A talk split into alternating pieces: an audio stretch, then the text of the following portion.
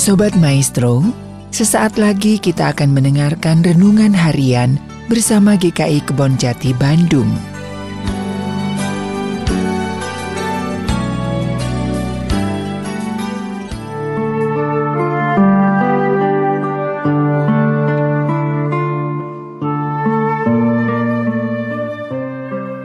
Shalom Bapak Ibu Saudara, saya Pendeta Daud Solihin dari GKI Kebon Jati dan bertemu kembali dalam renungan harian saat ini. Tema kita adalah daya dukung. Terambil dari firman Tuhan surat 2 Korintus pasal 7 ayat 13 demikian. Dan selain penghiburan yang kami peroleh, kami lebih lagi bersuka cita oleh karena sukacita Titus, sebab kamu semua menyegarkan hatinya.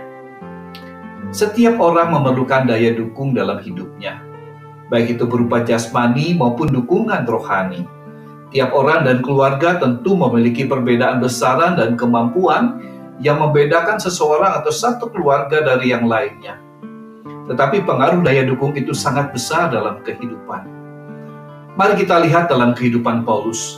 Pada rangkaian perjalanan pekabaran Injilnya yang ketiga, Paulus tiba di Makedonia dan dia sedang berada dalam jemaat-jemaat yang secara ekonomi sangat kurang dibandingkan dengan jemaat-jemaat di kota Korintus kota di mana Paulus juga pernah mengajar di sana.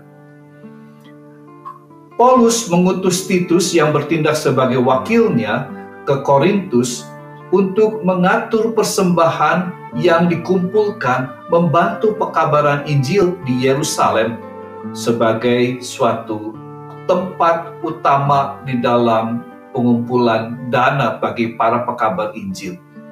Tetapi tugas itu tidak tuntas sebab Paulus mendesak Titus kembali ke Korintus untuk melanjutkan pelayanan kasih.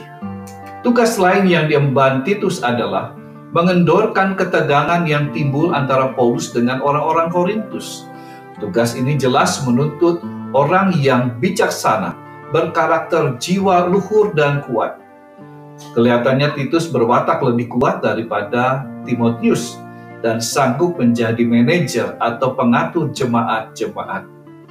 Titus membawa sepucuk surat dari Paulus kepada Korintus dan sayangnya surat itu hilang lenyap. Dalam surat itu Paulus dengan sedih hati menempelak mereka karena sikap mereka yang angkuh. Akhirnya Titus berkembali menggabungkan diri dengan Paulus di Makedonia dan membawa kabar baik bahwa jemaat Korintus sekarang sudah berdamai dengan Paulus. Dan sebagai buahnya surat 2 Korintus ditulis dengan sukacita menyambut kabar baik yang dibawa oleh Titus. Paulus menyebut Titus sebagai temanku yang bekerja bersama-sama dengan aku untuk kamu.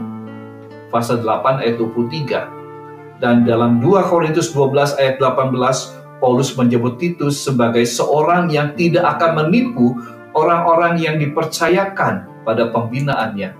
Renungan harian ini membawa dua pesan, yaitu yang pertama, Saudara, Tuhan menempatkan orang-orang yang menyediakan dirinya untuk membantu, menolong, dan mendampingi ketika kita berada dalam kesulitan.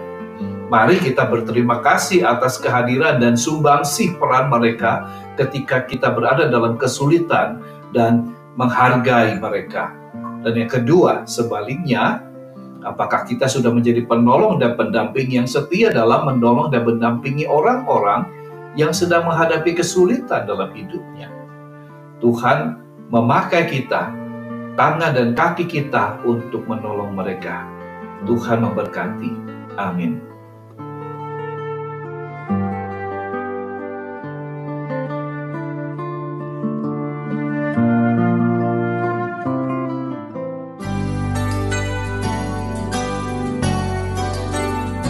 Sobat Maestro, baru saja Anda mendengarkan renungan harian bersama GKI Kebon Jati Bandung.